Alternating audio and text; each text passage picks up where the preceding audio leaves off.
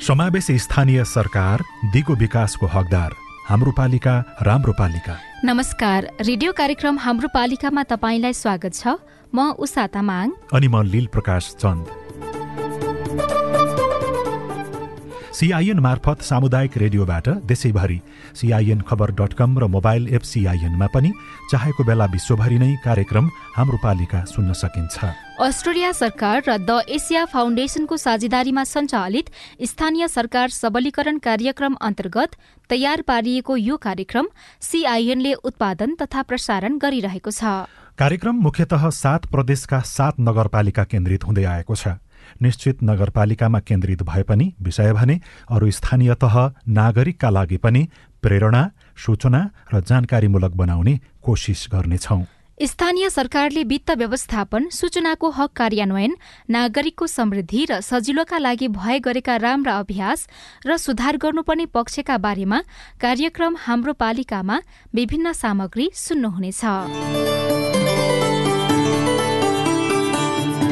नेपालमा नयाँ संविधान दुई हजार बहत्तर जारी भएपछि संघीयता कार्यान्वयनको महत्वपूर्ण अभ्यास भइरहेको स्थानीय तहमा निर्वाचित जनप्रतिनिधिले पहिलो पाँच वर्ष कार्यकाल पूरा गरिसकेका छन्। दोस्रो कार्यकालका लागि निर्वाचित भएकाहरूको पनि छ महिना बितिसकेको छ। पहिलो कार्यकालमा विकास सुशासन पारदर्शिताको बारेमा गरिएका अभ्यासले नागरिकलाई सेवा दिने र उनीहरूको हितमा खट्ने लामो यात्राको जग बसाल्न स्थानीय सरकारले महत्वपूर्ण भूमिका निभाएका छन्। नयाँ जनप्रतिनिधिले बाँकी यात्राको नेतृत्व लिँदै काम शुरू गरेका छन्। कार्यक्रम हाम्रो पालिकाको आजको अङ्कमा स्थानीय सरकारमा सार्वजनिक वित्त व्यवस्थापनको महत्व वित्त व्यवस्थापनको बारेमा भइरहेको अभ्यास र अपनाइएको सावधानी? र स्थानीय सरकार अनि जनप्रतिनिधिबाट नागरिकको अपेक्षा? वित्त व्यवस्थापन सुशासन र प्रभावमा आजको कार्यक्रम केन्द्रित रहनेछ। सरकारका आर्थिक कारोबारसँग सम्बन्धित गतिविधिहरूको समग्र व्यवस्थापन नै सार्वजनिक वित्त व्यवस्थापन हो। सरकारका आर्थिक गतिविधिहरूमा स्रोतको प्राप्ति वितरण उपयोग र त्यसको परीक्षण लगायतका पक्ष वित्त व्यवस्थापनसँग जोडिन्छन्। संघ प्रदेश र स्थानीय सरकार बीचको कामको जिम्मेवारी बाँडफाँडका आधारमा खर्चको आवश्यकता र सम्भावित राजस्व क्षमता बीचको अन्तर यकिन गरी सबै प्रकारका वित्तीय हस्तान्तरण र आन्तरिक ऋण मार्फत उक्त अन्तर पूर्ति गर्ने विषय वित्तीय संहिताको मुख्य कार्यक्षेत्र हो। संविधानले स्थानीय कार्यक्षेत्रसँग सम्बन्धित सम्पूर्ण अधिकार स्थानीय तहलाई दिएको छ। स्रोत तथा साधनका लागि संविधानले स्थानीय तहलाई स्थानीय कर सेवा शुल्क दण्ड जरिवाना लगायतका क्षेत्रबाट स्थानीय आय सङ्कलन गर्ने अधिकार पनि प्रदान गरेको छ। स्थानीय सरकारको अधिकार र कामको जिम्मेवारी जति छ त्यो कामका लागि आवश्यक पर्ने स्रोत रकमको पूर्वानुमान गरी स्थानीय सरकारले उठाएको कर दस्तुर र शुल्कबाट अपुग रकम संघ र प्रदेशबाट राजस्व बाँडफाँड प्राकृतिक स्रोतको रोयल्टी समानीकरण सशर्त समपूरक र विशेष अनुदान प्राप्त गर्ने व्यवस्था नै स्थानीय तहको सन्दर्भमा वित्तीय संघीयताको कार्यान्वयन हो। स्थानीय तहले भ्याट अन्तशुल्क मात्रै लिने कि यसलाई छल्न खोज्नेको अनुगमन पनि गर्ने प्राकृतिक स्रोतको रोयल्टी उद्गम स्थलले मात्रै पाउने कि प्रभावित क्षेत्रले भन्ने विषयको बहसका बीच संविधानको अनुसूची आठले दिएको अधिकार अनुसार स्थानीय सरकारले राजस्व उठाउने काम गरिरहेका छन्। यस्तो कारोबारमा नागरिकको सहभागिता र बुझाइ कस्तो छ? सुरुमा दोलखा अनि पाल्पाका केही नागरिक र जनप्रतिनिधिका कुरा सुनौ। नमस्कार म सबिन कार्की दोलाखा। वित्तीय व्यवस्थापन भनेको चाहिँ योजना छनौट अनि बजेटिङ योजना कार्यान्वयन अनुगमनसम्मको प्रक्रियालाई चाहिँ वित्तीय व्यवस्थापनले एक अर्कासँग जोडेको हुन्छ जस्तो मलाई लाग्छ। योजना छनौटको तहदेखि नै जनसहभागितामूलक ढङ्गबाट सूचना दिँदै गर्यो भने उहाँहरूले चासो राख्नुहुन्छ अनिखेर स्थानीय तहको आर्थिक विकास र समृद्धिको लागि पनि यसले सहयोग गर्छ। बलराम घिमिरे नामदुबाट। सबै खालका मानिसले सार्वजनिक वित्त भन्ने बित्तिकै कमैले बुझेको हुन्छ। सार्वजनिक वित्तलाई चुस्त दुरुस्त परिचालन गर्नको निमित्त पहिले प्लानिङ हुनु पर्यो प्लानिङ अन्तर्गत कति खर्चमा कस्तो कार्यक्रम कति अवधिको लागि टिकाउपनको चाहिँ कार्यक्रम सञ्चालन गर्ने हो। इमान्दारिता स्वावलम्बिताको पाठ नैतिकताको पाठलाई पनि अगाडि बढाउने हो भने मात्रै स्थानीय तहमा सार्वजनिक वित्त पारदर्शिताको कुरा गर्दा हुन्छ।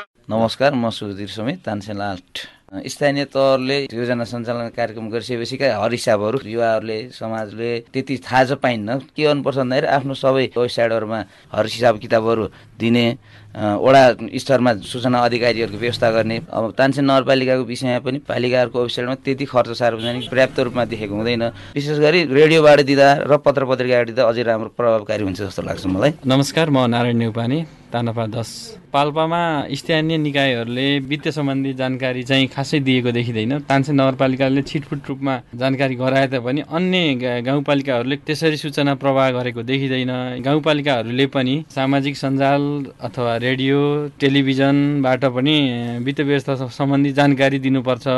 यो जानकारी लिन जानेलाई पनि समस्या छ। यो आफैले जानकारी दियो भने उचित देख्छु मैले। म मिन प्रसाद बन्जाडे कता कति टोल विकासका अध्यक्षको नाममा अनुकूलका व्यक्तिहरूलाई सहभागी गराउने निर्णय गर्दा वडाबाट यो निर्णय भयो भन्ने खालका सूचना हामी बाहिरी मिडियाबाट सुन्न पर्ने परिस्थिति छ। दुःख कुरा के लाग्छ भन्दा अहिले जति सूचनाको हक हरेक नागरिकमा छ आफ्नो स्थानीय सरकार घर दैलोमा भन्ने एउटा स्लोगन मात्रै भयो त्यसको व्यवहारिक ठिक अपोजिट भएको छ। जनता सूचनाबाट वञ्चित रहेको अवस्था चाहिँ छ र यसमा स्थानीय तहले अलिकति सोच नपुर्याउने केयरलेस गर्ने हो भने भोलि यसले नराम्रो रूप लिन सक्ने सम्भावना बढेको छ। म भरत प्रसाद आचार्य तानसेन नगरपालिकाको सूचना अधिकारीको रूपमा काम गर्छु। तानसेन नगरपालिकाभित्र भएका सम्पूर्ण कार्यक्रम योजनाहरूका विषयमा समग्रमा चाहिँ सबै योजनागत हिसाबले सार्वजनिक परीक्षणका कुराहरू आउँछन्। यो चाहिँ हामीले गर्ने गरेका छौँ। सार्वजनिक सुनाइ पनि वडा स्तरीय सार्वजनिक सुनाइ नागरिक सुनाइका कुराहरू छन् गुनासो सम्बोधनका कुराहरू छन्। सूचना अधिकारको हैसियतले सूचनाको हकको प्रयोग गरेर सूचना माग गर्न आउँदाका बखत कसैले चाहिँ टेलिफोनबाट चाहिँ मागिरहेको अवस्था छ भने कसैबाट चाहिँ लिखित रूपमा पनि आएको छ। त्यो सूचना पाइएन भन्ने कुराहरू चाहिँ अहिलेसम्म मलाई जानकारीमा आएको छैन। सार्वजनिकरण गर्ने कुराहरू व्यवस्थित तरिकाले गरेको छ। डिजिटाइजेसन गर्नुपर्ने डिजिटाइजेसन गर्छ। वेबसाइटमा हाल्नुपर्ने कुराहरू वेबसाइटमा पनि राखेको हुन्छ। नियमित रूपमा चाहिँ नगरपालिकाको वेबसाइटमा राखेको हुन्छ। अख्तियार दुरूपयोग अनुसन्धान आयोगको बत्तीसौं वार्षिक प्रतिवेदन अनुसार आर्थिक वर्ष दुई हजार अठहत्तर उनासीमा परेका भ्रष्टाचारका कुल उजुरी मध्ये तेत्तीस दशमलव एक प्रतिशत स्थानीय तहसँग सम्बन्धित छन्। स्थानीय सरकारले गरेको आमदानी र खर्चको हिसाब पारदर्शी नभएको नागरिकको गुनासो आइरहँदा स्याङ्जाको वालिङ नगरपालिकाको पारदर्शिताको प्रणाली कस्तो छ?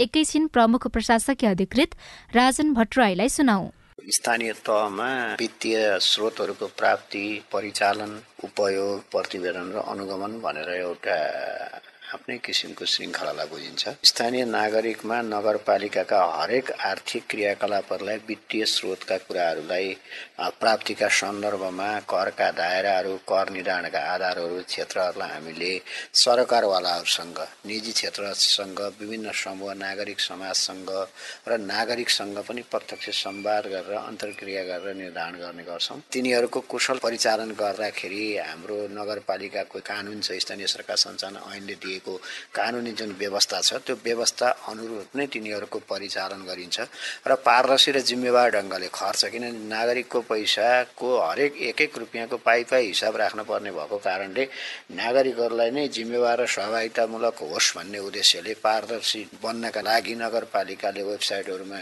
प्रतिवेदनहरू सार्वजनिक गर्ने र हाम्रा वेब पेजहरूमा सार्वजनिक गर्ने र त्यसपछि गएर हाम्रा विभिन्न प्रतिवेदनहरूलाई सम्बन्धित कुलेनिका त्यसपछि त्यसपछि सङ्घीय मन्त्रालय महालेखामा पनि हामी समय समयमा प्रतिवेदन गर्न सार्वजनिक गर्ने अभ्यास चाहिँ रहिरहेको छ। त्यसैले नागरिकलाई जसरी हुन्छ हिसाबलाई उनीहरूको करलाई उनीहरूको राजस्वलाई जिम्मेवार ढङ्गबाट नगरपालिकाले सम्बोधन गर्दै आएको अवस्था छ। संविधानको धारा साठीको उपधारा एकले सङ्घ प्रदेश र स्थानीय तहले आफ्नो अधिकार क्षेत्रभित्रको विषयमा कर लगाउन र ती स्रोतहरूबाट राजस्व उठाउन सक्ने व्यवस्था गरेको छ। तर साझा सूचीभित्रको विषयमा र कुनै पनि तहको सूचीमा नपरेका विषयमा भने कर लगाउने अनि राजस्व उठाउने व्यवस्था राजस्व उठाउने अवस्था नेपाल सरकारले निर्धारण गरे बमोजिम हुने भन्ने उल्लेख गरिएको छ। उठेको राजस्व नागरिकको मागका आधारमा स्थानीय तहले हरेक वर्ष बजेट ल्याउँछन्। यद्यपि चारवटा स्थानीय तहले आर्थिक वर्ष शुरू भएको पाँच महिनामा पनि बजेट ल्याउन सकेका छैनन्। तर कैलालीको टिकापुर नगरपालिकाले बजेटमा गरेको व्यवस्था अनुसार महिलाका लागि गरेको लगानी प्रभावकारी भएको छ। टिकापुर नगरपालिकाले प्रदान गरेको तालिम र बिउ पुँजीलाई सदुपयोग गर्दै नगरपालिकाभित्रका केही महिलाहरू आत्मनिर्भर बनिरहेका छन्। टिकापुर नगरपालिका वडा नम्बर एक बनगाउँकी दिलु घरती मगर एक सय पैँसठी रुपियाँ किलो दिँदा पनि मैले काटे कुनै पैँतिस किलो कुनै साठी किलोको हुँदाखेरि काटेर दुईटा चाहिँ माउ पाले। पछि माउबाट चाहिँ पहिले चाहिँ आठवटा बच्चा भयो। आठवटा बच्चा हुने बेलामा चाहिँ दुई हजार रुपियाँ बच्चाको थियो। त्यो बेचे। फेरि अर्कोपल्ट त्यस्तै सातवटा भयो। दुई वर्ष पछाडिको अन्तरालमा फेरि बङ्गुरको भाउ बढ्यो। बढ्ने बेलामा त्यो माउलाई काट्ने बेलामा नेट दुई कुइन्टल चाहिँ भएको दुई सय पचास रुपियाँको दरले बेचेको अडचालिस पचास हजार चाहिँ भएको। दिलु मात्रै होइन बनगाउँकै गोमा घरती मगर पनि नगरपालिकाले दिएको आठ दस हजार रुपियाँ बराबरको कार्यक्रमबाट आत्मनिर्भरको बाटोमा लाग्नु भएको छ।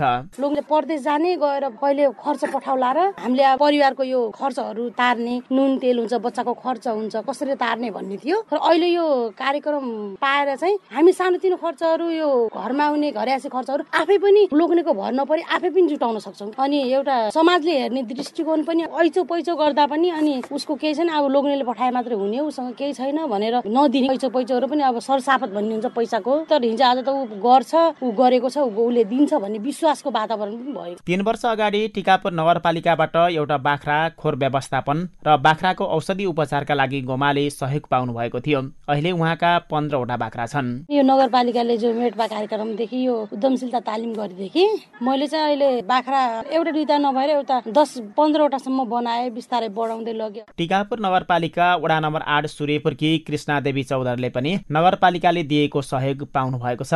पाँच वर्षदेखि खाजा नास्ता पसल सञ्चालन गरिरहनु भएकी उहाँ करिब तिस हजार लगानी आफूलाई गरेकोमा नगरपालिका प्रति आभारी हुनुहुन्छ। पहिला त समोसा चिया माटै बनाउँथे चाउमिन। अहिले त अलिअलि माछा पनि बनाउँछु। कोही खाना अर्डर गरेपछि खाना पनि बनाउँछु। एक दिनमा कुनै दिन अब ग्राहक बढी आएपछि पाँच हजार दस हजार दुई हजार त्यस्तै हुन्छ। त्यहीबाट भन अब सन्तुष्टि छ मन छोराछोरीलाई पढाउँदैछु। नगरपालिकाले स्वरोजगार बन्न चाहने एक सय उनाचास जनालाई बिउ पुँजी बराबर एघार लाख सतासी हजार लगानी गरेको छ। यसका लागि स्रोतको व्यवस्थापन कहाँबाट कसरी भएको छ त? टिकापुर नगरपालिका आर्थिक विकास शाखा प्रमुख नन्द बहादुर केसी। नेपाल सरकारको सशर्त अनुदान अन्तर्गत गरिबी निर्माणका लागि लघु उद्यम विकास कार्यक्रम मार्फत दुईटा आर्थिक वर्षहरूमा एक सय उनपचास जनालाई एघार लाख सत्ताइस हजार नौ सय एक रुपियाँ बराबरको विभिन्न उद्यम व्यवसायसँग सम्बन्धित बाख्रा पालन व्यवसाय गर्नेहरूका लागि बाख्राका पाठापाठी त्यस्तै बङ्गुर पालन व्यवसाय गर्नेहरूका लागि बङ्गुरको पाठापाठीहरू ब्युटी पार्लर व्यवसाय गर्नेहरूको लागि ब्युटी पार्लरसँग सम्बन्धित सामग्रीहरू हेयर कटिङ व्यवसाय गर्नेहरू भए सिलाइ कटाई व्यवसाय गर्नेहरूलाई सिलाइ कटाईको लागि आवश्यक मेसिनहरू काउन्टर टेबलहरू यस्ता विभिन्न खालका सामग्रीहरू सहयोग गरिसकेका छौँ। र हामीले कुनै कारणले व्यवसाय सञ्चालनमा अप्ठ्यारो भएका महिलाहरूलाई समेत थप सहयोग प्रदान गर्ने गरेर पनि उद्यममा जोड्नेको संख्या सन्तोषजनक रहेको छ। विपन्न समुदायका महिलालाई मात्र होइन सिप सिक्न चाहने र वैदेशिक रोजगारीबाट फर्केकाहरूका लागि पनि नगरपालिकाले सहयोग गर्दै आइरहेको छ। बिउ पुँजी वितरणका लागि बनाएको मापदण्डमा विपन्न अठारदेखि चालिस वर्ष उमेर समूहका नागरिक एकल महिला अपाङ्गता भएका व्यक्ति वा तिनका परिवारका सदस्य वैदेशिक रोजगारीबाट फर्की आय आर्जनमा जोडिन चाहने व्यक्ति विपद जोखिममा रहेका वा परेका व्यक्ति लगायतलाई प्राथमिकतामा राख्ने भनिएको छ। तर यस्तो सेवा लिन चाहनेहरूको संख्या धेरै भए पनि स्रोतको अभाव भएपछि कसरी व्यवस्थापन गर्ने भन्ने बारेमा विकल्पको खोजी भइरहेको नगरपालिकाको भनाइ छ। Ishwar Saud CIN Tikapur FM Kailali. जनताको नजिकको तहको सरकारबाट सम्पादन हुन सक्ने काम पर्याप्त कारण र आधार बिना टाढाको तहको सरकारबाट कार्यान्वयन गरिनु हुन्न भन्ने अवधारणा सन्निकटताको सिद्धान्तले अवलम्बन गरेको हुन्छ। त्यसै आधारमा पनि नागरिकको अपेक्षा स्थानीय सरकारबाट धेरै देखिन्छ। सुर्खेतको वीरेन्द्रनगर नगरपालिकाले विकास निर्माणका कामसँगै वित्तीय अनुशासनमा पनि जोड दिएको नगर प्रमुख मोहनमाया ढकालले बताउनुभयो। विशेष गरेर आर्थिकसँग सम्बन्धित कुराहरू होइन? कसरी व्यवस्थापन गर्नुपर्छ र यसको पारदर्शिता सुशासन कसरी कायम गर्नुपर्छ? व्यवस्थापन अथवा खर्च प्रणाली के हो भन्ने कुरा जनप्रतिनिधिले धेरैभन्दा धेरै जानकारी हासिल गर्नुपर्ने विषय यो छ। यदि काम राम्रो भएन भने त्यसको जवाबदेहिता को हो त भन्दा जनप्रतिनिधि नै हो। निर्माण सम्पन्न भएका योजनाहरूको बारेमा अनुगमन गर्ने त्यसको फरफार गर्ने जाँच पास गर्ने जिम्मा पनि जनप्रतिनिधिलाई भएको हुनाले वित्त व्यवस्थापन अथवा वित्तसँग सम्बन्धित हरेक कुराहरूको बारेमा जनप्रतिनिधिले जानकारी लिनुपर्छ भन्ने लाग्छ। हामीले वित्त व्यवस्थापन सम्बन्धी विभिन्न तालिमहरू छलफलहरू पनि गर्छौं। स्थानीय तहका प्रमुख उपप्रमुखहरूलाई यसको तालिमहरू कहिलेकाहीँ संघीय मामिला मन्त्रालय पनि आयोजना गरेको हुन्छ भने हामी आफैले पनि त्यो कुरालाई चाहिँ छलफलमा ल्याउँछौ। स्थानीय पालिका अध्यक्षहरू कार्यपालिकाका सदस्यहरू वडा सदस्यहरूलाई पनि यो सम्बन्धी छलफल तालिमका कार्यक्रमहरू राखेका हुन्छौं किन भन्दा कसरी पारदर्शी रूपले काम गर्ने भन्ने विषयलाई चाहिँ यो बुदाले अथवा यो कुराले सम्बोधन गर्ने गर्छ। खर्च प्रणाली अथवा आर्थिक कारोबार गर्दाखेरि कसरी गर्नुपर्छ होइन? पालिकाको भनिन्छ नि एक रुपियाँ पनि बेरुजु हो एक रुपियाँ पनि भ्रष्टाचार हो।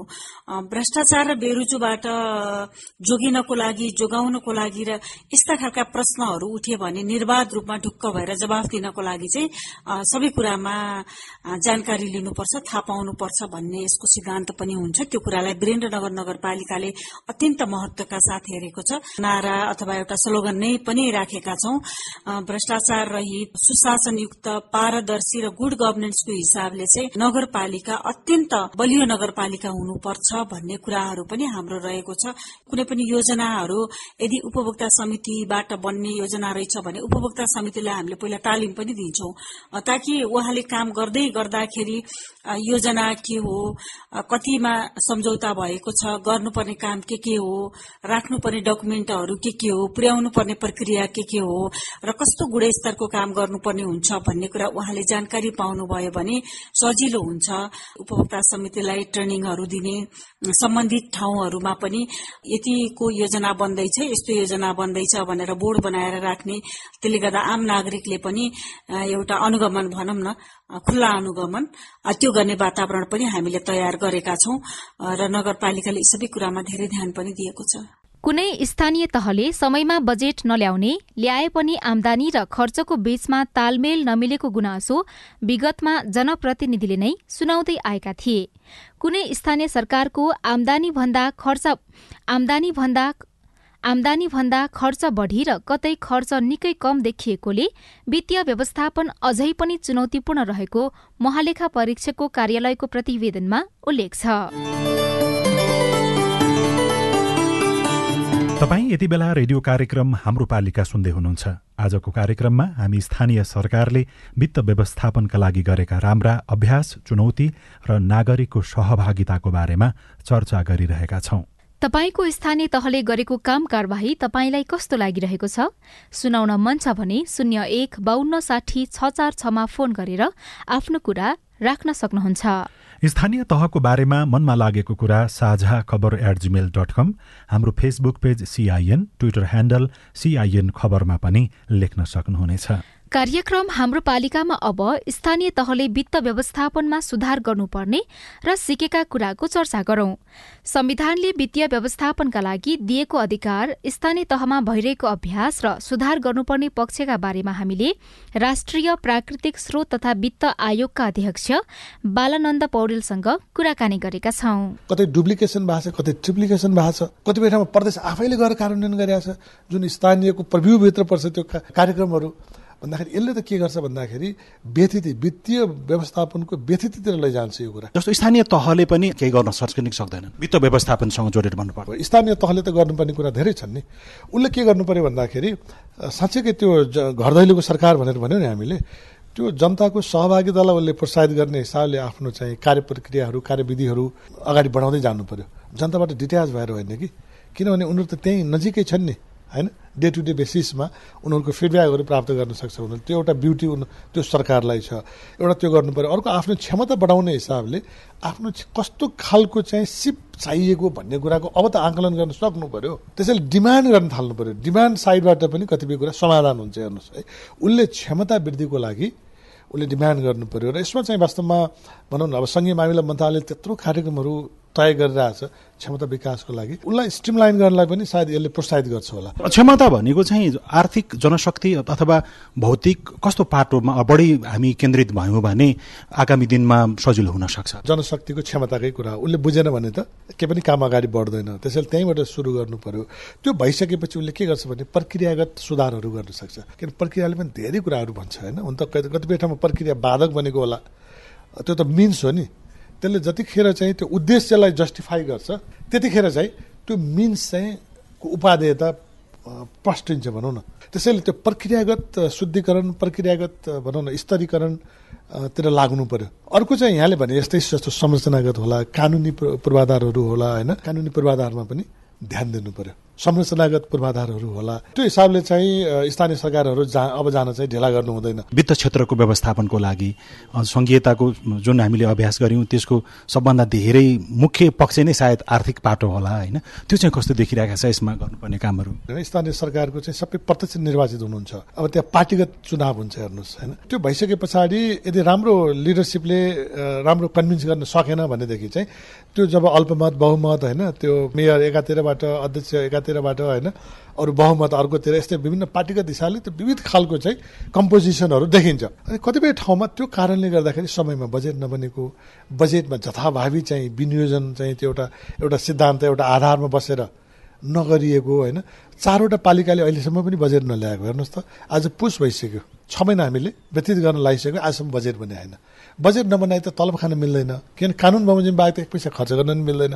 एक पैसा उठाउन पनि मिल्दैन। त्यो राजस्व के गरी उठाइरहेको छ खर्च के गरी गरिरहेको छ म त यहीँनिर त्यसैले म के आह्वान गर्न चाहन्छु भन्दाखेरि होला तपाईँहरूको आफ्नो राजनीतिक उहरू होलान् प्राथमिकताहरू होलान् भोट माग्दाखेरिका कमिटमेन्टहरू होलान् ती कुराहरूलाई त्यहीँ बसेर छलफल गर्नुहोस्। जे जे भए पनि तपाईँहरूले बजेट पास नगरिकन पालिकालाई चाहिँ यथास्थितिमा राख्ने राइट चाहिँ कुनै पनि पालिकाको कुनै पनि जनप्रतिनिधिलाई छैन। यो छुट कुनै पनि बाहनामा यसो भएर सकिएन उसो भएर सकिएन भन्ने छुट चाहिँ हुनु हुँदैन। यो सङ्घ र प्रदेशको तर्फबाट पनि उहाँहरूलाई यो कुरा क्लियरली भनिदिनुपर्छ र जनताहरूको तर्फबाट पनि यो भनिनुपर्छ जस्तो लाग्छ मलाई। स्थानीय तहहरूको आर्थिक व्यवस्थापनको पाटो राम्रो कुराहरू राम्रो अभ्यास प्रयासहरू केही हुन सके कि सकेनन्? होइन स्थानीय सरकारहरूले त धेरै राम्रो काम गर्नुभएको छ। त्यो कुरालाई त हामीले अप्रिसिएट गर्नुपर्छ। वित्त व्यवस्थापनमा? वित्त व्यवस्थापनमा पनि कैयौँ पालिकाहरूले राम्रो काम गर्नुभएको छ। र जस्तो भनौँ न अब कर प्रशासनकै हिसाबले पनि सुरुमा उहाँहरू उत्साहित हुनुभयो होइन।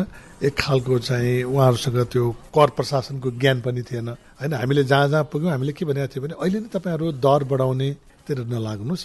त्यसलाई चाहिँ त्यसको कम्प्लायन्स बढाउनेतिर लाग्नुहोस् अध्ययन अनुसन्धान गर्दै गर्नुहोस् अनि ग्रेजुअल्ली उहाँहरूलाई सेवा राम्रो दिँदै जानुभयो भनेर त कन्भिन्स हुनुहुन्छ नि? अनि त्यो उहाँहरूसँगै बसेर पनि दर पनि बढाउन सकिएला क्षेत्रहरू पनि बढाउन सकिएला भन्ने कुरा गरेका थियौँ। सुधार भएको छ। हामीलाई त्यतिखेर डर के लागेको थियो भन्दाखेरि कति उनीहरू उहाँहरू हतोत्साहित भएर अब करै नउठाउने त जाने त होइन नि। त्यो पनि अर्को त्यो त त्यस्तो भएन हेर्नुहोस्। उहाँहरूले के गर्नु भने बडो चाहिँ विचार गरेर अहिले टोटल भनौँ हुन त राजस्वको डेटाको बारेमा समस्या छ अझै पनि। पूर्ण डेटा चाहिँ प्राप्त गर्न सकेका छैनौँ त्यो भनेको जस्तो कुन कुन क्षेत्रमा सात सय त्रिपन्नै पालिकामा चाहिँ कुल राजस्व कति परिचालन गर्नुभएछ भनेर एउटा समष्टिगत डेटा चाहिँ अझै पनि हामीसँग अधुरो डेटाहरू छ। होइन? सूत्रबाट पनि त्यो सबै डेटाहरू प्राप्त नहुँदो रहेछ। उहाँहरूले शीर्षक इन्ट्री गर्दा बिगार्ने कि बिगार्ने यस्तो कुराहरूले गर्दा डेटाको पार्टमा समस्या छ। तर त्यो समग्रतामा हेर्दा जति डेटाहरू क्याप्चर भएको छ हामीले जुन विगतमा जुन जिल्ला विकास समितिहरू होइन गाउँ विकास चार हजार गाउँ विकास समितिहरू हुँदाखेरिको उहाँहरूको राजस्व सङ्कलनको त्यही शीर्षकको चाहिँ तथ्याङ्कहरू हेर्दाखेरि निकै बढोत्तरी भएर गएको छ कुनै कुनैको त उदाहरणै भयो भन्नुभयो होइन। त्यो भनेको जस्तो वित्त व्यवस्थापनको पाटोमा यो क्षेत्रमा बढी राम्रो भयो त्यो चाहिँ के छ? नामै नलिउ यस्तो धेरै राम्रो गर्नुभयो होला होइन छुट्नु होला उहाँहरू त्यसैले मैले। तर उहाँहरूले के गर्नुभएको कुरा चाहिँ भन्न सक्छु। जस्तो उदाहरणको लागि करको दायरा बढाउँदै जानुभएको छ त्यहाँको पिपुललाई। किन उहाँ त भोट माग्दै त्यहीँ जाने हो नि। नजिकै बसेर उहाँहरूलाई कर बढाएर कर उठाएर काम गरिरहनु भएको छ भन्दाखेरि त त्यो त उहाँले कन्भिन्स गर्नुभयो नि। त्यो एउटा राम्रो पाटो हो। अर्को चाहिँ कर प्रशासनमा कतिपय चाहिँ सङ्घीय सरकारभन्दा पनि अगाडि बढेर त्यसलाई चाहिँ डिजिटाइज गर्ने एकदमै अनलाइन गर्ने यस्ता यस्ता कामहरू पनि गर्नुभएको छ हेर्नुहोस्। यो कामले के अर्थ राख्छ? मान्छेको जीवनमा अथवा समग्र अर्थ वित्त व्यवस्थापन अहिले के असर गर्छ? उहाँले आज कति कर जम्मा भयो भन्ने डेटा नै चाहिँ आफ्नो करदाताहरूले हेर्न पाउने होइन? मैले तिरेको कर कहाँ प्रयोग भइरहेछ भनेर उनीहरूले त्यसलाई हेर्न पाउने होइन? आफूले तिरेको कर चाहिँ घरै बसेर कर तिर्न पाउने।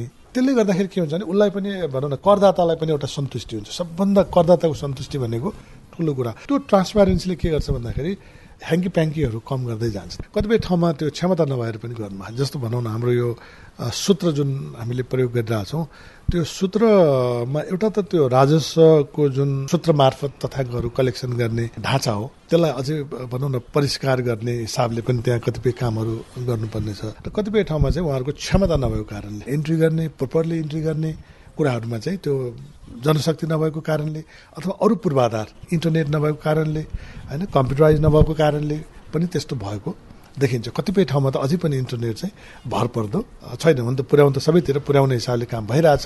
कतिपय ठाउँमा तपाईँले भने जस्तो पनि हुनसक्छ। यहाँ इन्ट्री गऱ्यो भने पारदर्शी हुँदै जान्छ। देखिन्छ सबै कुराहरू। यो कुराहरू किन गर्नु पर्यो भन्ने हिसाबले पनि कतै भएको हुनसक्छ। त्यो चाहिँ मैले अहिले यसै भन्न सक्दिनँ। नागरिकको सहभागिताले यो व्यवस्थापनमा केही सजिलो पो बनाउन सक्छ कि? विगतदेखि नै हाम्रो अभ्यास के छ भन्दाखेरि अलिकति ट्रान्सप्यारेन्ट हुँ भन्ने हिसाबले चाहिँ सबैतिर त्यो प्रोत्साहित गर्न खोजेको देखिन्छ।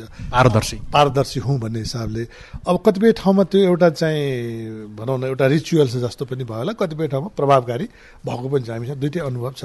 र अब जस्तो सामाजिक परीक्षणको बन्दोबस्त छ नि त्यसको सम्बन्धितहरूसँग त्यो विषय यसरी यसरी गरेको हो। तपाईँहरूको के छ भनेर उहाँहरूलाई राखेर उहाँहरूलाई जानकारी दिने र उहाँहरूको केही फिडब्याक छ भने लिने हो नि त। हो अब अहिले चाहिँ प्रविधिले गर्दाखेरि यी कुराहरू चाहिँ एकदम सहज भएका छन्। मान्छे भौतिक रूपमा उपस्थित नभइकन पनि जस्तो अहिले त हात हातमा मोबाइल छ हेर्नुहोस्। मोबाइल एपहरू कतिले बनाउनु भएको छ। यो यो काम गर्दाखेरि हामीले यति पैसा बजेट विनियोजन गऱ्यौँ होइन? यति यो यो ठेकदार हो यतिमा चाहिँ ठेकापट्टा भएको यसो कामको चाहिँ यसका उहरू भनौँ न नर्म्सहरू स्ट्यान्डर्डहरू यी हुन् भनेर त्यो मोबाइल एपबाट त्यहाँका सम्बन्धित उहरूलाई सरकारवालाहरूलाई चाहिँ पालिकाबाट जाने व्यवस्था भयो भने त उसले त त्यहीँनिर हेरिरहेको हुन्छ नि। नागरिकको सहभागिता बढाउँदाखेरि नागरिकले आफ्नो पैसा कहाँ खर्च भइरहेको छ सरकारले दिएको पैसा खर्च गर्यो कि गरेन भनेर प्रश्नै गरेछ भने पनि त्यो स्थानीय सरकारको लागि पनि त फाइदाको विषय होला नि त्यो तत्कालीन अथवा दीर्घकालीन रूपमा। एकदमै राम्रो कुरा हो नि त्यो त। कार्यदक्षता बढाउने त्यसको मितव्ययता बढाउने प्रभावकारिता बढाउने हिसाबले जुन हामी सङ्घीयताको ऱ्यासनल खोजिरहेछौँ नि होइन? स्थानीय सरकारमा प्रदेश सरकारमा त्यही कुरा गर्न यसले मद्दत गर्छ। नागरिकको माग सम्बोधन हुने गरी स्थानीय सरकारले हरेक वर्ष बजेट ल्याउँछन्। उक्त बजेट पारदर्शी रूपमा खर्च गर्ने बारेमा सुर्खेतको वीरेन्द्रनगर नगरपालिकाले जनप्रतिनिधि उपभोक्ता समिति सरोकारवाला सबैलाई तालिम दिन थालेको छ। महिलालाई बिउ पुँजी दिएर स्वरोजगार तथा आत्मनिर्भर बनाउने योजना कैलालीको टिकापुर नगरपालिकामा प्रभावकारी देखिएको छ। स्थानीय तहहरूले गर्ने खर्च र आमदानीको बारेमा नागरिकलाई जति धेरै सार्वजनिक रूपमै जानकारी दियो उति धेरै सुशासन अनि पारदर्शिताको अभ्यास भएको मान्न सकिने राष्ट्रिय प्राकृतिक स्रोत तथा वित्त आयोगका अध्यक्ष बालानन्द पौडेलको भनाइ छ। यिनै सार समेटिएका विभिन्न सामग्रीसँगै तपाईँ हाम्रै घर दैलोका स्थानीय सरकारको बारेमा छलफल गर्ने रेडियो कार्यक्रम हाम्रो पालिकाको आजको अङ्कबाट विदा लिने समय भएको छ। तपाईँलाई तपाईँको पालिकासँग केही सोध्न भन्न जान्न बुझ्न अथवा समस्या सुनाउन मन छ भने हामीलाई सम्पर्क गर्न सक्नुहुनेछ। केही प्रश्न प्रतिक्रिया र टिप्पणी छन् भने हाम्रो टेलिफोन नम्बर शून्य एक बाहन्न साठी छ चार छमा फोन गरेर दिइएको निर्देशन अनुसार रेकर्ड गराउन सक्नुहुनेछ। आजका लागि प्राविधिक साथी सुनिल राज भारतलाई धन्यवाद। अहिलेको रेडियो कार्यक्रम हाम्रो पालिकाबाट सहकर्मी साथीहरू ईश्वर साउद कल्पना ढेङ्गा विजय बौडेल बुना घिमिरे तोलाकान्त बगाले सहित हामी सबै विदा भयौं। नमस्कार।